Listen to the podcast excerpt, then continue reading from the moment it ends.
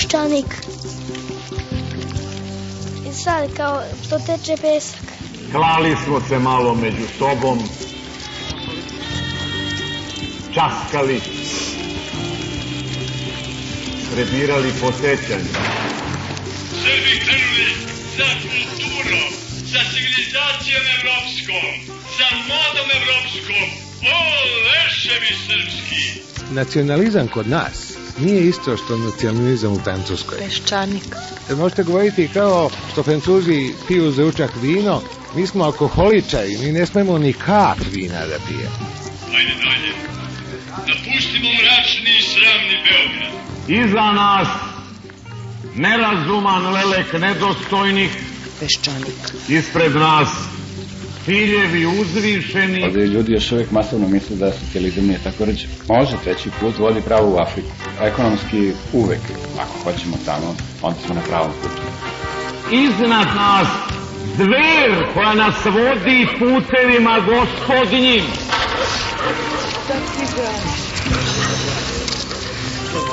I da ne zatvorim oči, Peščanik. ja mogu da zamislim Srbiju kao najdinamičniju zemlju na Balkanu i jednu košnicu sa malo trutova i puno radilica. Ako ne uspemo, niko nam neće biti kriv. Dugo smo, dugo još putovali. Dakle, mi smo izgubili 5. oktobar, da tako kažem. Nepredviđen. Na televiziji vidim da se i rezultat drugog svjetskog rata promenio. Ugleda smo u bistroj vodi naša lica. Prema tome, ja očekujem da će Srbija krenuti u nešto novo tek kad pobedi Turke na Kosovo. Iznenada briznu smo u plaću. Peščanik.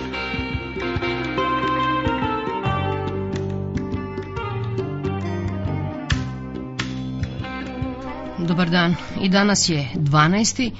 Htela bih da kažem april, ali još ne mogu da pristanem na taj mesec. Još uvek je onaj isti sunčani dan marta kada su kada su mu raznali srce i još uvek se nadam kad čujem spikere i na B92 pa čak i na Pinku da najavljuju premijera Srbije Zorana da će makar neko pogrešiti i reći Đinđić. U stvari da će reći Đinđić i tako ispraviti glupu grešku koju je neko nehotice napravio. Neću ni ovoj emisiji da pominjem a, prljavštine koje su počele da kuljaju iz usta mnogih naših političara i državnika. Toliko su očigleda da je to sramotno. Samo a, neka ne zamišljaju da mogu sada da se svete jedni drugima, da mogu da se raduju što je među neprijateljima jedan manje, a da posle mogu da se vrate svojoj nikada dokazanoj intelektualnoj i ljudskoj pristojnosti. George Orwell bi im rekao, gospodo, kad se jednom prokurvate, zaovek ćete ostati kurve. Peščanik.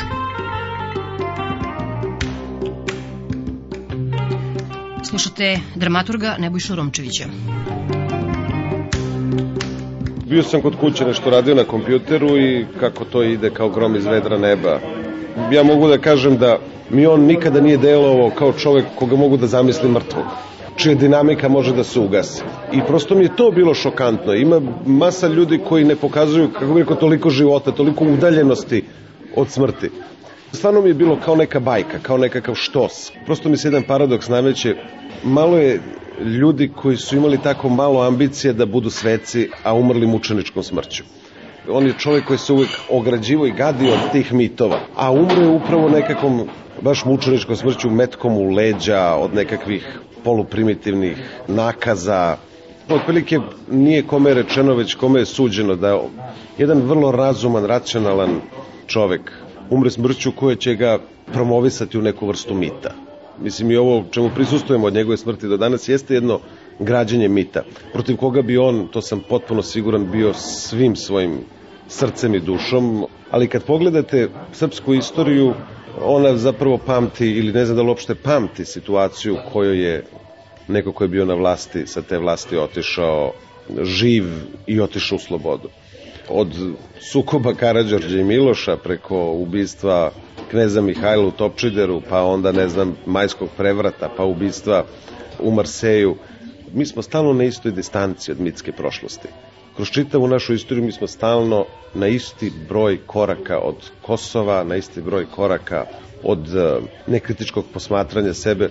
Čovjek danas kada čita recimo sterijne komedije, vidi da je on imao isti problem, isto ga je definisao kao što ga je definisao Đinđić. Đinđić je, kako bih rekao, jedan od čitavog niza ljudi koji su pokušavali da mit smeste u mitsko, a stvarnost u realno. I on ipak bio jedinstven i, kako kažem, taj prazan prostor koji stoji iza njega niko ne može da popuni. I mislim da ne bi trebalo ni da pokušava. Prosto je on osvajao prostor na svoj način. Sada ljudi koji dolaze posle njega moraju da osvajaju prostor na svoj način. Da ne bi došli u situaciju da Mito Đinđiću pojede samog Đinđića i da postane alibi za bilo šta. U senku njegove veličine su se sklanjali i oni koji su mu bili bliski oni koji su mu bili neprijatelji. To je prosto, kako bih rekao, neka vrsta upozorenja koju izričem i samome sebi. Njega uvijek moramo posmatramo kao čovjeka koji je želo da bude nešto što možemo nas nazvati nekakvim javnim službenikom. Zbog toga mislim da je to jedan strašan trenutak koji je pokazao, nažalost, da primitivizam stvari razrešava onako kako se razrešavaju kad se čizmama prođe kroz baštu.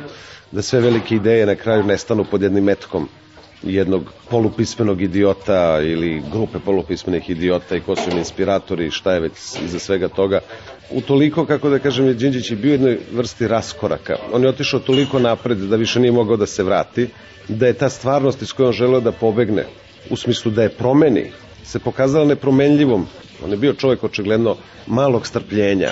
On je želeo da se stvari užasno brzo promene u njegovom životnom ritmu, a stvari su talog, to su već fosilni ostaci generacije generacija koje su sa istog mitskog izvora pile jednostavna rešenja. Tako da je on zapravo ostao odsečen od stvarnosti, on prosto je odbio da prizna da dve trećine našeg stanovništva nisu pismene. Mislim da su to bili problemi s kojima se on suočavao i koje zapravo nije uspeo da prepozna. Sama činjenica da nije uspeo da prepozna, mislim, kao dokaz toga je činjenica da on je imao vrlo malo koncentracije na svoje obezbeđenje, da se vrlo malo bavio sobstvenom bezbednošću i sigurnošću. To samo govori da je on odbio da sebi da prizna u kakvoj zemlji je premijer. Da u toj zemlji svaki peti čovek je osetio slast te jednostavne moći obarača, noža, sile i da čvrsto veruje da to može da reši neku stvar i neki problem.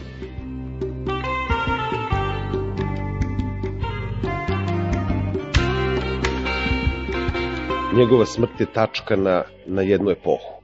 Žalosno je da je zapravo njegovo okončanje stavilo tačku na krvava dela drugih ljudi. Na Miloševića, na sve te njegove monstrume koje je skupljao oko sebe, meni je naravno kao i većini ljudi žao što ga je on nadživeo. Što je Milošević nadživeo Đinđića, to je jedna velika istorijska nepravda, ali ga je možda i nadživeo da bi duže patio. To bi meni bilo neka satisfakcija, nekako poravnanje. Ali činjenica da su legije i kompanije ratni heroji, mislim da svakom govori kakav je to rat bio. Šta smo mi zapravo kao narod radili tamo? Sada prodaju jedni druge, izdaju jedni druge, taj legija nudi Karadžića i Mladića, mislim svakom više, da više ne postoje ljudi koji bi glasali za tu opciju. Čak i oni najnepismeniji pristalice, mislim da čak ni ti ljudi više ne mogu bez gađenja da razmišljaju o kontekstu kome su pripadali svojom voljom i o sobstvenom slepilu. U svakom slučaju, Đinđićeva smrt iz meni za sada neznanih razloga otvorila mogućnost za obračun s kriminalom. Međutim, to opet otvara jednu vrlo delikatnu poziciju vlasti, a to je da se vlasti osladi apsolutna nekontrolisana vlast.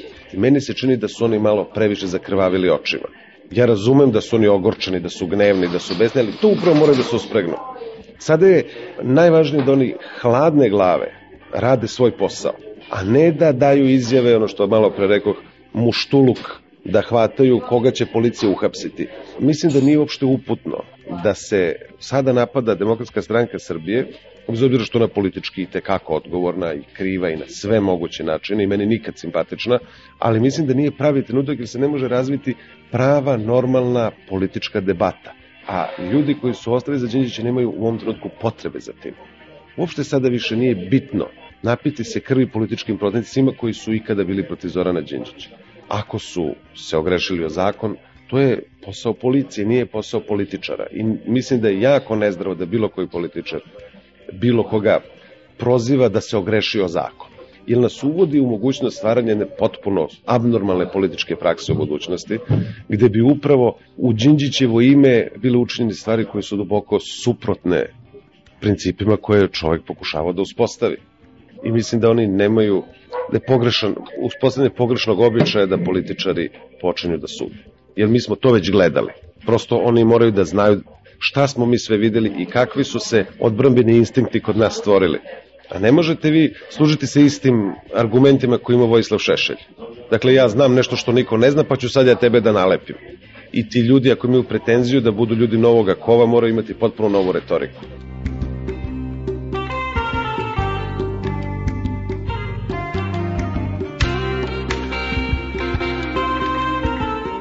Koštunica je prosto čovek kabinetskog tipa i jako teško definiše sobstvene političke ciljeve, što ga naravno čini beskreno lakim za manipulaciju. Konačno i dosjenjem je manipulisao kada ga je promovisao na mesto kandidata za predsednika Republike. Dakle, on je bez svoje krivice dobio veliki politički značaj svojom zaslugom je on imao politički značaj koji je imao svih deseta godina, znači to je ono 5%, jedan poslanik, dva poslanika u parlamentu. Ponašanje te čitave partije meni neprekidno liči na jedan isti, jednu istu pokvarenu sporu ploču. Jedna ploča koja ima nekakvu staru melodiju koju svi vrte na isti način, čak istom intonacijom, istom brzinom govore i Maršićanin i Koštunica i onaj Mihajlov. Ta sporost, ta, brate, dosada. Recimo ovo potezanje priče, da li je Čedomir Jovanović bio kod, se zove, Šiptara, da, a ovamo imate čovjeka koji je postavio nekvalifikovanog čoveka za šefa Kosa, taj Aca Tomić. Meni to liči na jedan kompleks koji imaju intelektualci koji nikad nisu šutirali loptu na ulici. To je kad vidi nekakvog ono nekog kvarnog tipa da bude prosto fasciniran kako on to tako bađa, kako je on to nekako... Ja sad pokušavam prosto kao pisac da interpretiram Koštuničinu fascinaciju lošim momcima, tim agresivnim tipovima koji tako lajavo pričaju. On prosto nije taj tip. Meni su uvijek bili grotesni njegovi pokušaj da se spusti na nivo naroda pa kada odvali nešto na tim predizbornim mitinzima, to bude tako neukusno. Seća se kada je vala, neće, ne znam, nija ovo i ono, to je tako izgledalo uvek naivno. On je kabinetski tip i on bi bio recimo dobar analitičar nečega, gde ima ogromno mnogo vremena, ali mislim da on donosi odluku šta će ručati, da je donosi do večere. Mislim, to je prosto njegov politički kredo šta će danas biti za ručak, pa možemo moliti dok dođe već i ručak, prošli večera i na kraju kaže, eto, nisu mi ni ručak dali. Otprilike mi njegova, njegova politička priča tako deluje. S tim što moram priznati onog dana kada je bio atentat na Đinđića, bio sam jako začuđen Koštuničinim stavom. Ipak su njih dvojica ratni drugovi s hiljadu bitaka. Taj stav je bio vrlo hladan, čak i u tom trenutku je imao nekakvu političku poruku kao otprilike ko se mača laća od mača će i poginuti ili tako nešto. Ti da mi ostaje jedan gorak ukus u ustima posle tog njegovog makar je čovjek očekivao nekakvu emociju.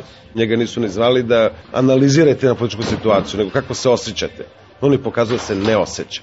Mislim da ono što se desilo nakon Đinđićeve smrti, ta jedna katarktička podrška Đinđiću je zapravo njima bila lična uvreda su to jedan put doživili kao težak, pretežak lični poraz. I naravno to se i pokazalo u ovim anketama javnog mnjenja, gde su oni potpuno nestali s političke scene za desetak dana. Naravno, sada je, što se dosta tiče, teren potpuno čist. Sada prosto nije ostala ni jedna vojska na poprštu, što je s jedne strane dobro, a s druge strane jako loše.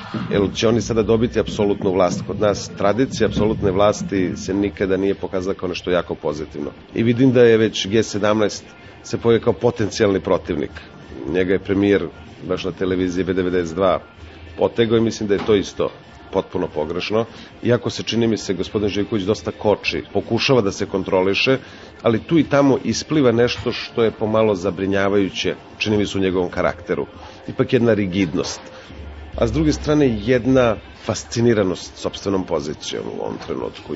kuku šta me snađe, ali sam sada narastao i tako. Ja se nadam da grešim, naravno, najviše bih voleo da grešim, ali znate, ipak posle ostvarenja Platonovog sna da filozofi vladaju republikom, dobijemo ipak jednog objektivno čovjeka nego nižeg obrazovanja koji se odmah upetljao u sukob sa guvernerom, a čini mi se da prosto nema potrebe da sebe doživljava kao Đinđić umesto Đinđića.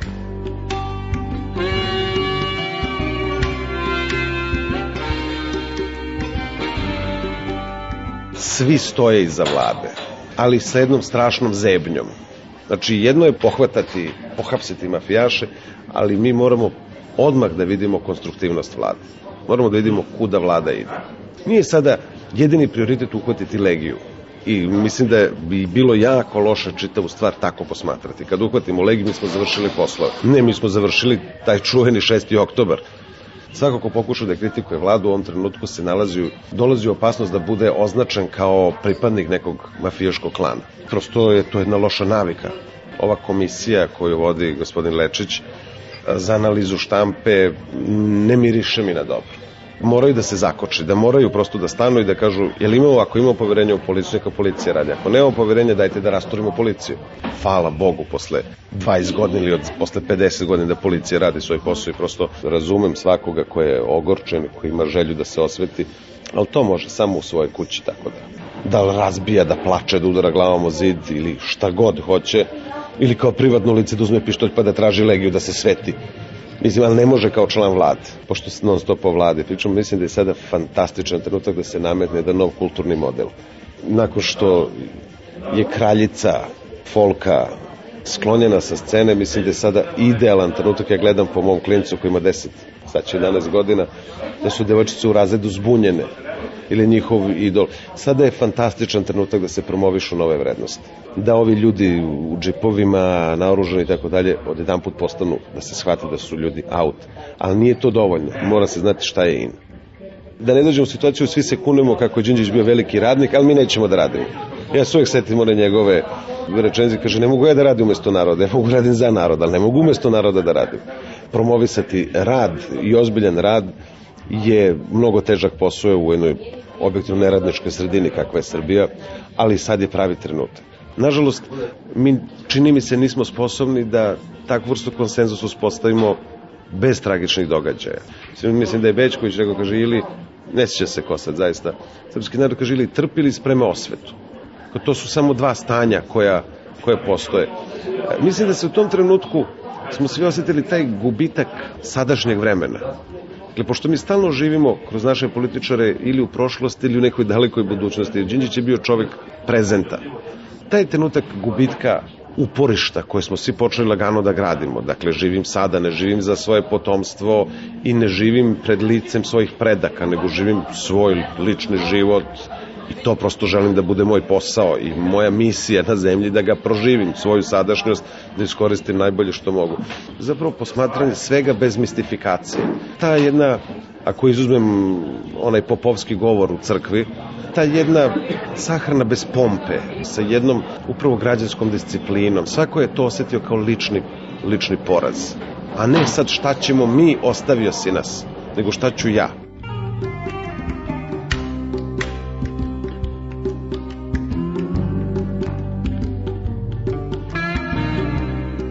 Ima Makijaveli jednu divnu rečenicu, kaže nikad nemojte protivnika dovesti do očajanja, jer onda očenik čini očeničke poteze.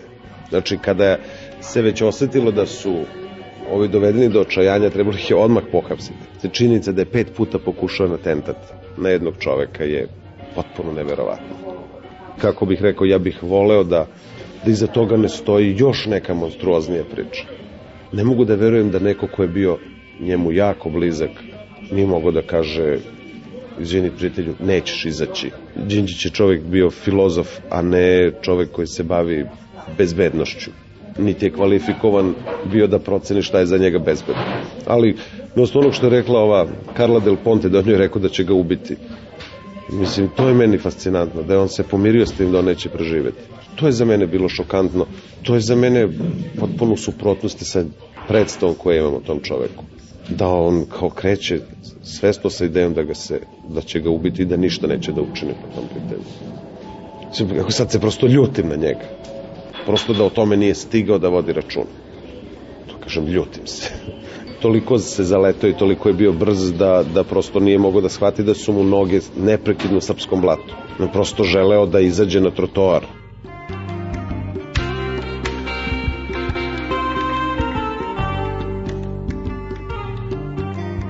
Bojim se da je psihološki mehanizam koji mi kao nacija imamo vrlo spreman da tu Đinđićevu smrt ne posmatra kao deo istorije, nego kao vanvremensku tačku. To je prosto jedan refleks koji mi imamo urođeno kao narod. Mene čudi da se još uvek nije pojavila pesma u desetercu. Ili je jedna pripovetka o vojniku koji je bio poslednja žrtva drugog svetskog rata. Dakle, poslednji čovek, sve je gotovo, sve je završeno i njega ubije metak. Prosto mislim da je Đinđić poslednja žrtva građanskog rata u Jugoslaviji.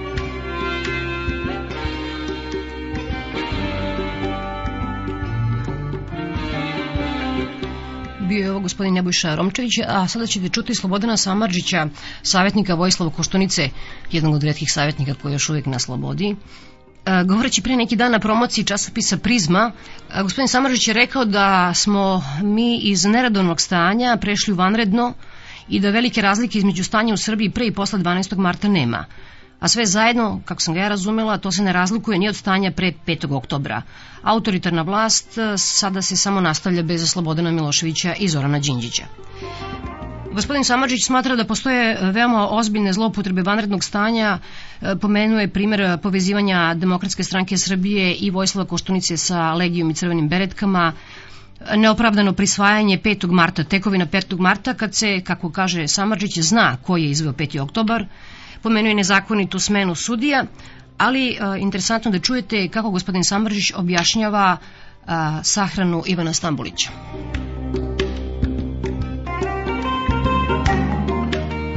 Još jedan pokazatelj politizacije jeste javna zloupotreba ubistva bivšeg predsjednika Srbije Ivana Stambolića taj se događaj sada prikazuje u jednom potpuno drugom svetlu. Govori se o tome da je razlog tog ubistva bio eventualna kandidatura Stambolića u vreme izbora 2000. godine, što je vrlo teško pretpostaviti budući da u vreme kada on bio ubijen e, izborna kampanja je napredovala i verovatno da ni on, a ni ugroženi, eventualno ugroženi tadašnji predsjednik Milošević nije osjećao pravo ugroženo sa te strane nego sa neke druge. Nije dakle bio toliko nerealan ili u toj meri jedan politički iluzionista. Dakle, tu se neki drugi računi namiruju, revidira se priča o osmoj sednici, pokušao se nametnuti stav da zapravo su tada postale neke prave snage alternative koje su sticajem nekih političkih okolnosti i zlih sila bile skinute sa dnevnog reda. To je jedna, tako kažem, podzemna bitka koja se vodila između dve frakcije još onda i koja traje, nažalost, još do dana današnjeg. Jedna je, dakle, pobedila i držala vlast nekih 12, 13, 15 godina, Sad imate jedan nagovor koji stalno ide za time da je, znate, velika šteta što se to dogodilo, jer bi Srbija verovatno napredovala punim jedrima da se to nije dogodilo. To je dakle jedna redefinicija istorije sa stanovišta novog pobednika. I mislim da se to jako puno švercuje u zadnjih e, mesec dana i to uz obilatu pomoć e, vlasti, dakle koje ne samo da dopuštaju medijski prostor, već e, i u tome što direktno učestvuju u ovom jednom ritualu, znate, i izjavljivanja i samom ritualu sahrane, tih komemoracija i tako dalje. Vi prosto vidite da vlasti i ljudi koji stoje na čelu tog odbora za istinu i tako dalje čine jedan amalgam koji e, jako puno utiče na javno mnjenje i samim tim e, dovodi do toga da se Srbija kreće u nekoj retroaktivnosti umesto da gleda napred i da sa snagama koje su upravo izvele 5. oktobar na jedan drugi način nego što to čini sadašnji DOS e, krene napred. To je dakle jedna, što bi rekli, mladi retro kombinacija i mislim da se tu zapravo naplaćuju neki politički računi, a ne vodi računa o opštem napredgu zemlje.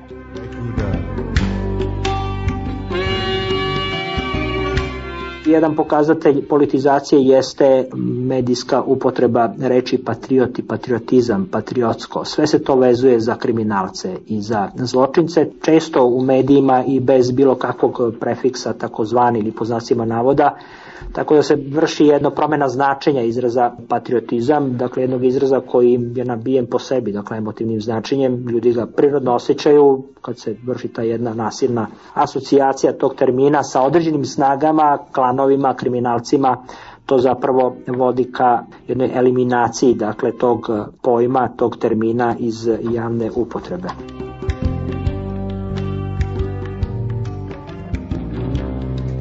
Gospodin Samadžić dakle smatra da smo uprljali reč patriotizam, da smo je eliminisali.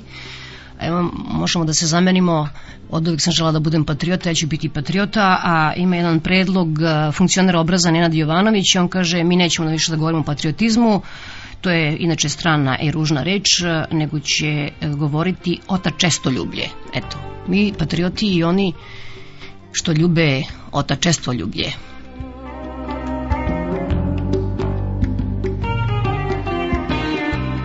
Paviljonu Veljković u toku je skup o novom patriotizmu. Slušate Borku Pavićević, Adema Demaćija, Nenada Popovića, izdavače iz Zagreba i Ivana Vejvodu.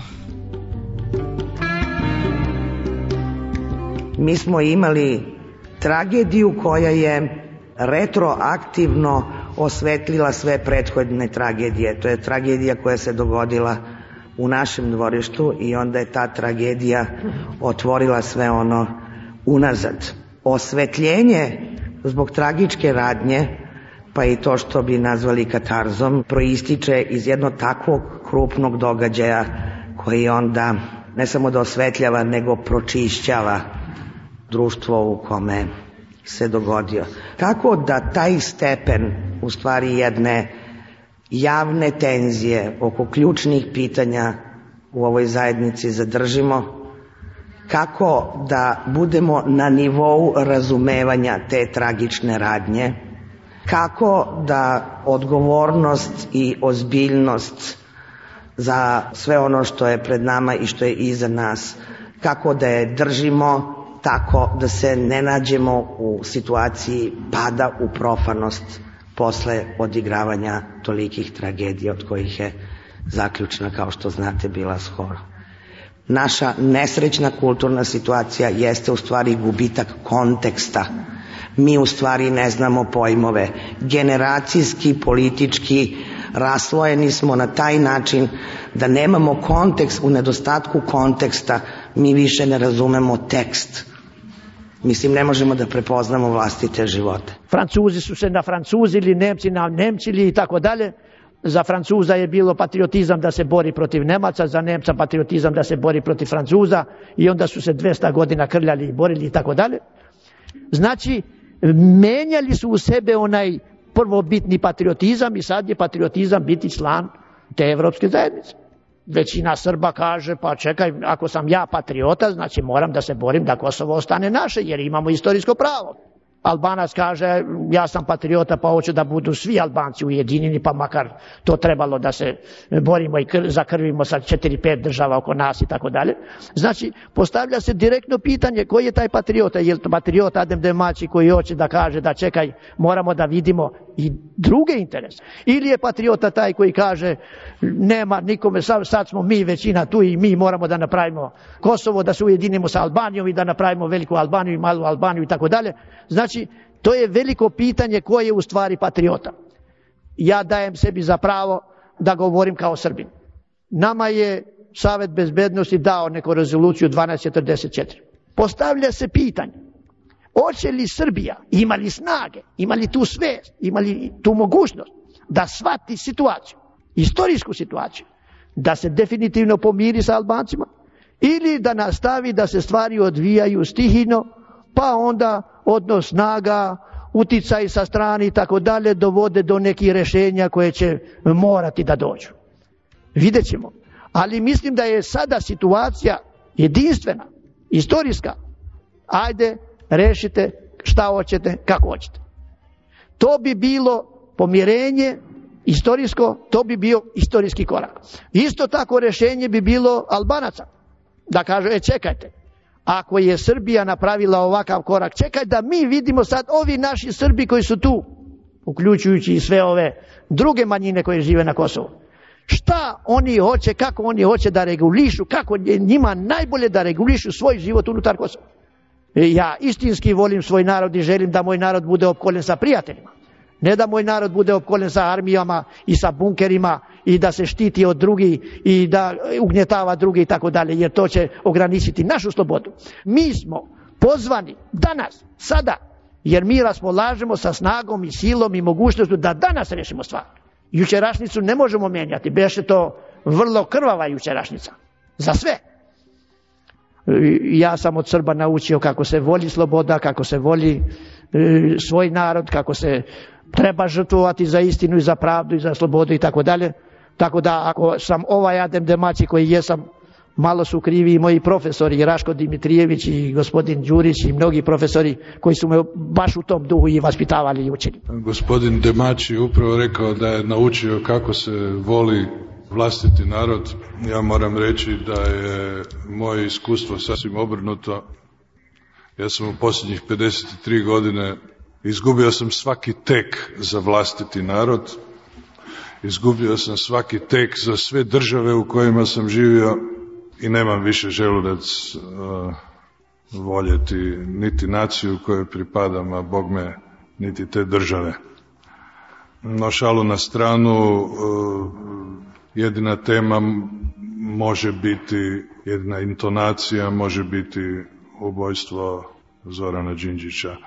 To je naravno šok koji ovde još traje, bio je u Hrvatskoj jako dubok i velik, to je bilo zapanjujuće kako je zastao dah u medijima svugdje kod ljudi nakon tog strašnog ubojstva jednog čovjeka u drugoj zemlji.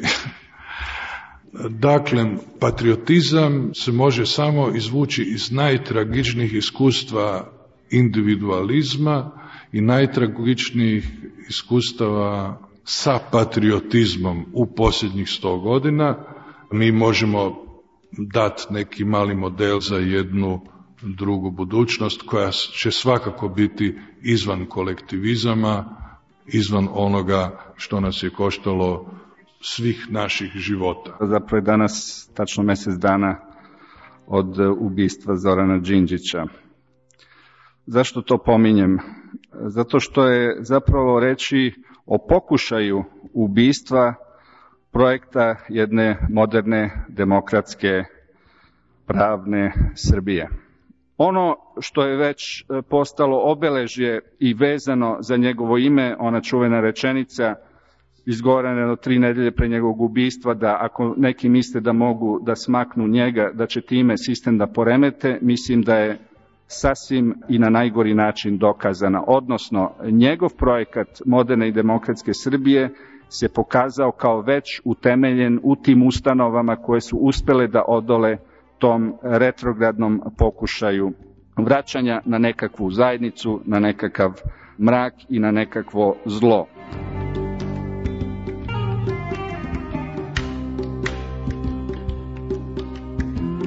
Slobodan Šnajder, posvećeno uspomeni na Ivana Stambolića.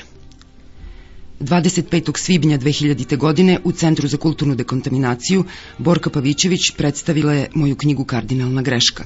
U prvom redu sjedio je i jedan srazmerno visok, nekako stišan čovjek, Ivan Stambolić. Osobno ga ranije nikada nisam sreo.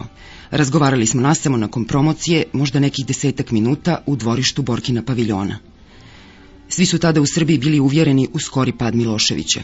U svibnju 2000. mi smo u Hrvatskoj već znali da puka promjena režima ne donosi nužno i onaj ritam promjena u koji smo se 3. siječnja svi bili ponadali.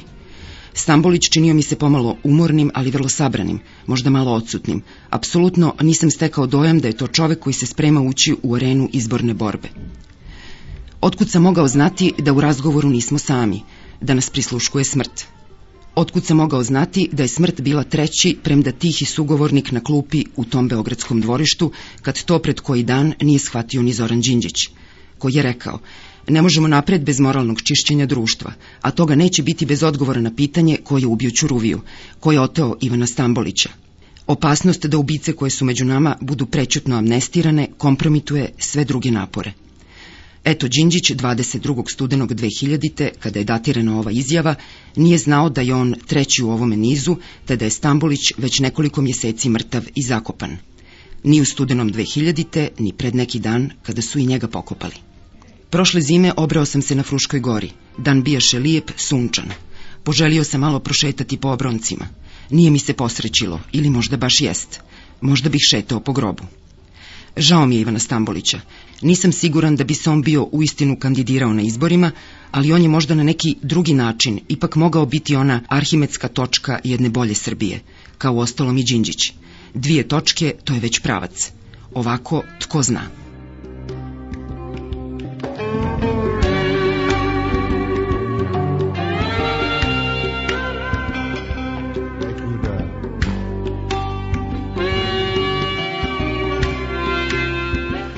Govori novinar vremena Stojan Cerović.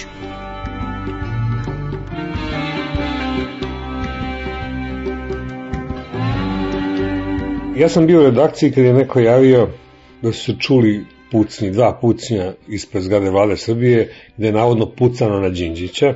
Naš broj vremena je bio u štampi i mislili smo o tome da li zaustavljamo štampariju i da ako se postavi da je krupna vest, onda i morali da stavimo u broj.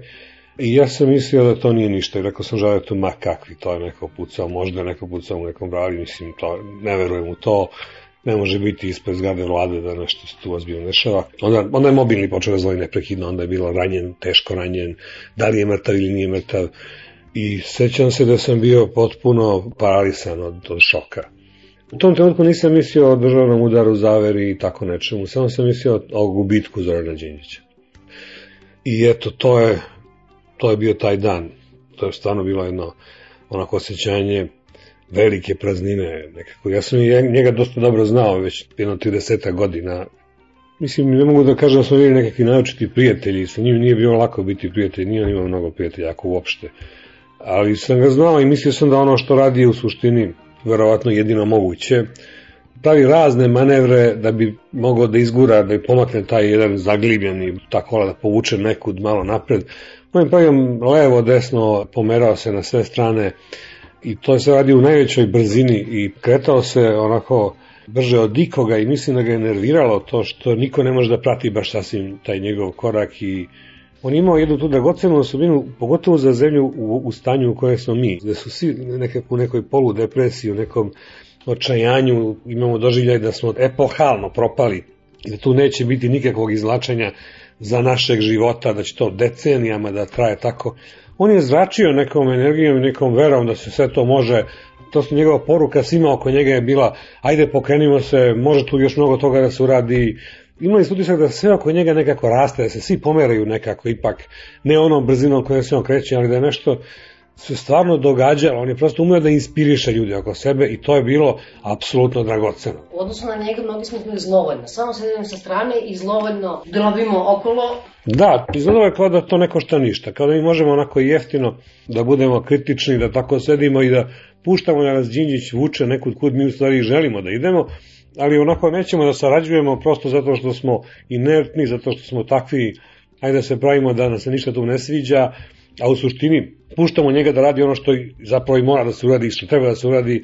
Mislim da je ta njegova niska popularnost u velikoj meri potencijala od toga što su ljudi verovali da on toliko nadmoćan i da će i onako da vlada ovom zemljom još jako dugo, da nema ko bolje to da radi i onako, I ajde onda da budemo, da mu ne bi možda to udarilo u glavu, ajde mi da budemo malo onako kao kritični i da nešto I onda u trenutku njegove smrti, kad su ljudi razumeli da njega stvarno više nema, njegov je onda naknadno rating mrtvog Đinđića je od jedan put naglo skočio. Dakle, ne samo zbog takve te smrti, ja mislim zbog samog gubitka. Prosto zbog tog osjećanja straha i praznine i kako ćemo sada i jedan put su ljudi shvatili da je Ustav Đinđić bio ono što su zapravo, ja mislim, i osjećali su sad razumeli da sad više nema nikakvog smisla da imamo neke primetbe na čoveka, jer takvog još jednog stvarno nema. Ja mislim da taj nedostatak ne nadoknadi.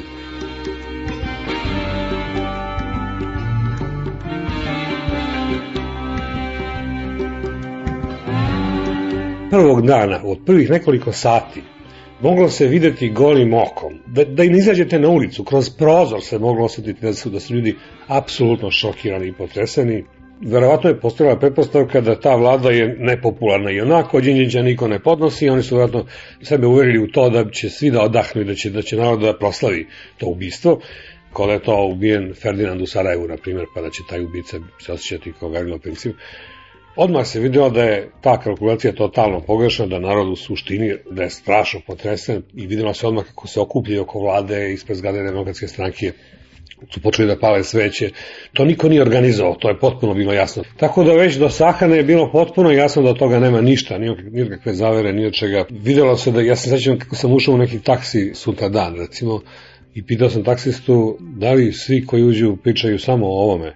On kaže ne, ne pričaju ništa. Svi ćute i izvidi se šta misle, a u saobraćaju su odinatno svi postali jako fini, propuštaju jedni drugi, niko ne trubi, ništa od toga, prosto se videlo da, da su obuzeti jednim tako krupnim osjećanjem i u takvoj atmosferi bilo je apsolutno nemoguće da se realizuje bilo kakav plan zaverenički.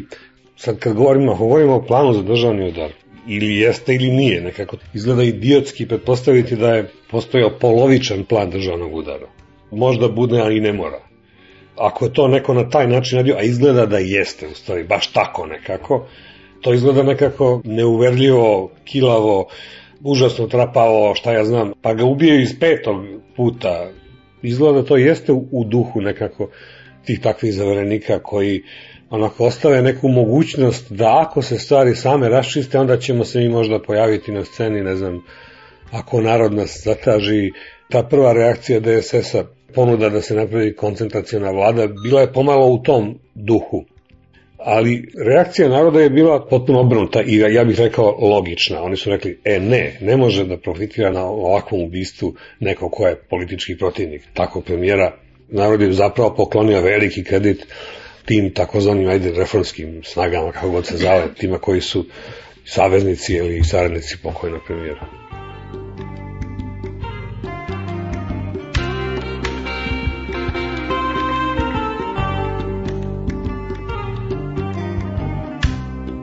Milošević nam je ostavio jednu paklenu mašinu, nedemontiranu, niko nije uspio da demontira sve do ubistva Zorana Đinđića.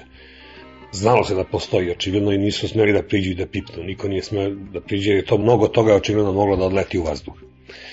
To je ono pitanje, da li trebalo da pogine Zoran Đinđić pa da se tek onda otvori sve to.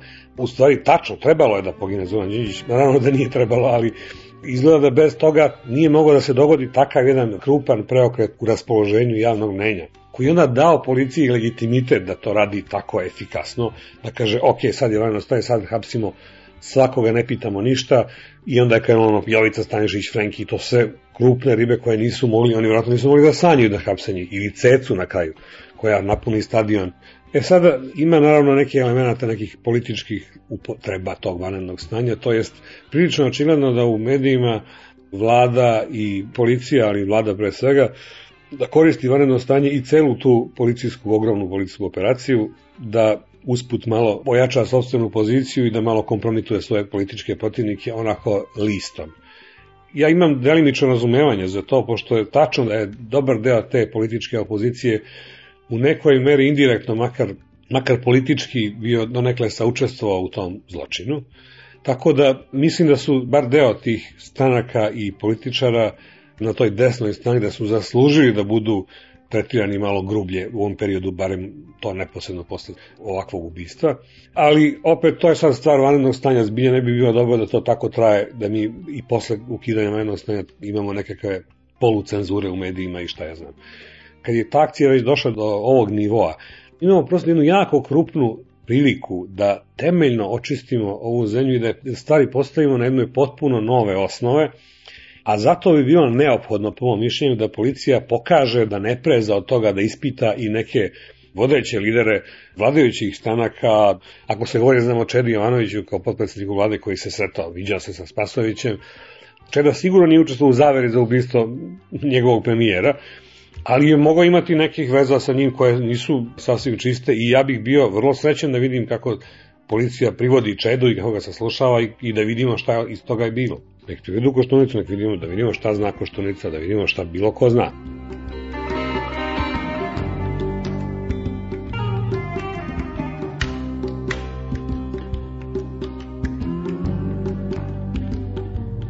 Koštunica se ponašao, moj utisak je bio da on onako hteo dosta brzo da pređe preko te stvari, da izjavi tako jedno ono saučešće da, su, da to što je dužan elementarno da odradi, to je sve u redu, to je mislim ono neko normalno licemerstvo s kojim živimo. Nisu nam svi pokojnici prirasli za srce, jeli, a opet učestvujemo u tom ritualu. Ali onda bilo, videlo se da on zapravo nastoji da politički eksploatiše to ubistvo, kao da je smatrao da je u stvari sada ta vlast bez Zorana Đinđića svakako mnogo slabija, da oni nemaju pojma šta će da rade, da se neće snaći, da oni znaju u suštini da nemaju nikakvu podršku naroda, a da on ima, da on najjača stranka, on najpopularniji i tako da. I mislim da je hteo da to kapitalizuje, a onda se dosta brzo pokazalo da u stvari njegov rejting jako brzo pada, njegove stranke takođe. Mislim, da li je tu sad on bio, mogao biti, ukoliko deo te zavere, to ne mogu da kažem, ja lično ne verujem u to. Ne verujem onako ljudski da bi on mogao to biti. Ali verujem da su oni koji su ubili Zorana Đinjića mogli da misle o tome da bi možda Koštunica mogao da bude možda njihov neki ipak zaštitnik, da, da ih nekako ipak politički možda pokrije u negde kasnije tamo u nekoj fazi. To su oni mogli da kalkulišu, ali da je on mogao u tome učestvovati sa svojim znanjem, sa svešću o tome da, da se sprema ubistvom, to stvarno ne verujem. On je dakle u velikoj meri pre svega reagovao kao političar. To je značilo da on u suštini računa da su njemu sad otvaraju neke perspektive posle toga. Sigurno je to računao.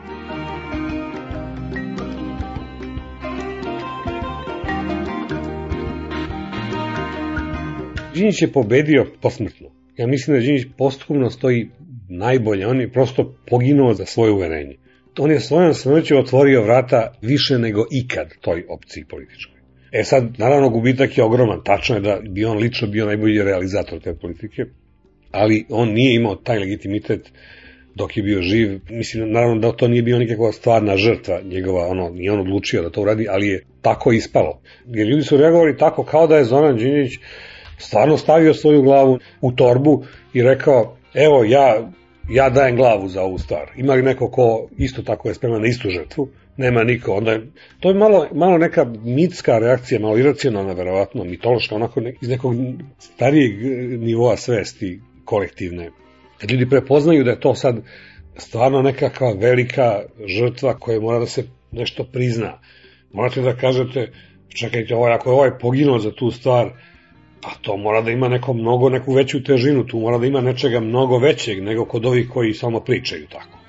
On je stvarno reprezentovao ovu zemlju mnogo bolje nego što zemlja zaslužuje da bude reprezentovana. On izgledao pred svetom sto puta bolje nego iko ko odavde dolazi i bio je briljantan u mnogo čemu, nema nikakve sumnje. Ali, kao što kažem, on, nije, on je bio, se zaglibio u, u velikoj meri, mislim, prosto nije mogao mnogo, ni, ni, ni s polja nije imao mnogo, mnogo jaku podršku, ni iznutra, prosto je to nekako stajalo onako malo skoro u mestu.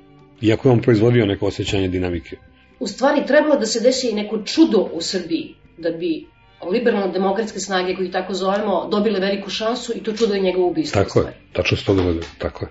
To jeste neka onako skoro kao neko iz, iz narodne pesme, ono, kao pred početak bune na dahije, kad, se, kad treba se dogodi nekakav veliki prevrat, pa čekaju nekakav znak s neba.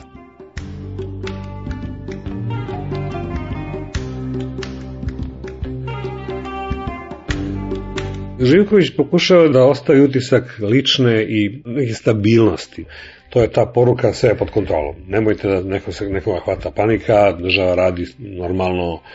To je otprilike to što on kaže. E, ne mnogo više od toga. Ali ova reakcija, ovo sa Dinkićem, to je ostavilo jedan vrlo, vrlo neprijatan utisak meni. Čini mi se da je tu napravio veoma krupnu grešku, prosto ne može da se popravi ta greška. To bi izgledalo onako toliko neodmereno, toliko nepromišljeno. Prosto ne možete reći da u vašoj državi vaša banka štampa lažan novac, to je apsolutno absurdno, nikad čuo nisam tako nešto. Ali šta će biti posle vanrednog stanja, kao da je narod svima njemu putio poruku da ima sada da se uozbilje. Dosta više te neodgovorne politike, tog tako nekog čerupanja stranačkog, sitnog, možete da upijete nekim antenama, onako kao da narod kaže, e, stanite, dogorele do nokata, ajde se uzbiljite ako hoćete da opstanete na političkoj sceni. Ja, ja nekako nadam se da će nešto od toga da traje i posle vanrednog stanja, da će biti neke onako neke veće odgovornosti u javnom životu, prosto i u medijima bi trebalo da bude nešto više odgovornosti. Mislim da je tačno da je u delu medija zbilja bilo neki tako histerične propagande, gluposti i, i onako krajnjeg neodgovornosti. To nije sloboda, to vas vodi direktno protiv slobode. To ako, ako ste vi krajnje neodgovorni, na kraju će se pojaviti neko ko će da vam oduzme tu slobodu i kazat će čekajte. Ako ćete vi tako, onda ne može ništa. To je kad se zavodi diktatura. Kao što smo sad dobili vanredno stanje. Zato što smo, se, je zemlja se našla na ivici totalnog haosa, anarhije i kolapsa, mislim, ne može. Takva je naša tradicija, takva nam istorija cela od toga, malo neke oscilacije, nenormalne, mislim, nije to, to ne, ne događa se to tako u Švajcarskoj ne znam, u tim uređenim zemljama imaš neki manje više ravan hod neki, koji traje dugo, ali ne ono, znaš, divljaju malo, pa onda ih neko stisne, pa onda oni trpe, trpe, pa onda puknu, pa jebi ga, stalno tako.